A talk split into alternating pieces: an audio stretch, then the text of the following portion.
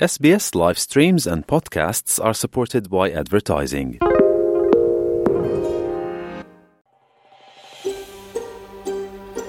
तपाईँ एसपिएस नेपालीको साथमा हुनुहुन्छ अरू रोचक सामग्रीहरूका लागि SBS dot com dot slash Nepali जानुहोस्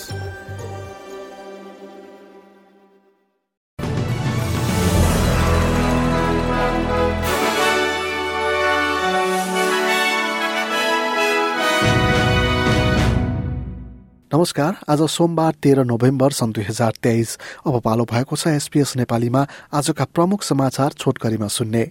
प्रसङ्ग शुरू गरौं। रोबोटेप सम्बन्धी शाही आयोगको सुझाव कार्यान्वयनमा सरकारले देखाएको तत्परता सम्बन्धी समाचारबाट।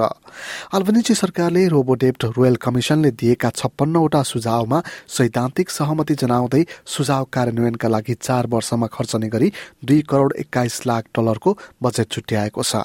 तीन लाख एक्कासी हजार मानिसबाट पचहत्तर करोड़ डलर गैर कानूनी ढंगले उठाइएको भन्दै सन् दुई हजार उन्नाइसमा फेडरल कोर्टले फैसला सुनाएको थियो। सन् दुई हजार बिसमा सरकार र प्रभावित मानिसहरूका बीचमा मिलानका लागि एक दशमलव दुई अर्ब डलर खर्च भएको थियो। सन् दुई हजार सोह्रमा सर्भिसेज अस्ट्रेलिया मार्फत लिबरल नेशनल गठबन्धनले सरकारी रकम उठाउन उक्त योजना ल्याएको थियो। अर्को समाचारमा हाइकोर्टले मानिसहरूलाई अनिश्चित समयका लागि अध्यागमन हिरासतमा राखिनु गैर कानूनी हुने फैसला सुनाएपछि संघीय सरकारले अस्सी जनालाई अध्यागमन हिरासत मुक्त गरेको छ। अध्यागमन मन्त्री एन्ड्रु जाइल्सले सरकार बुधबारको निर्णयप्रति तयारी अवस्थामा नै रहेको बताए। उपयुक्त भिजा भएका कतिपयलाई पहिले नै छाडिएको पनि उनले प्रतिक्रिया दिएका छन्।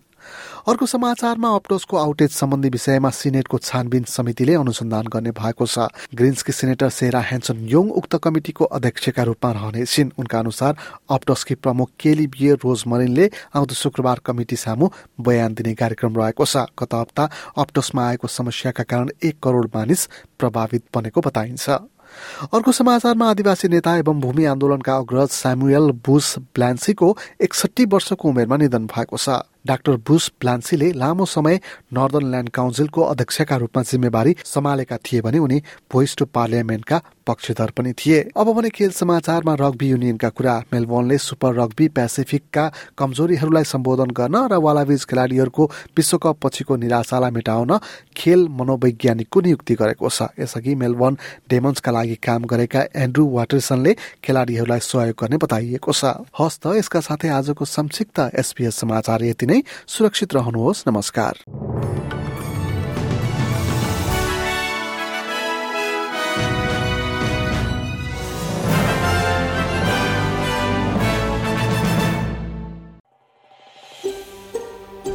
यो जस्तै अन्य प्रस्तुति सुन्न चाहनुहुन्छ?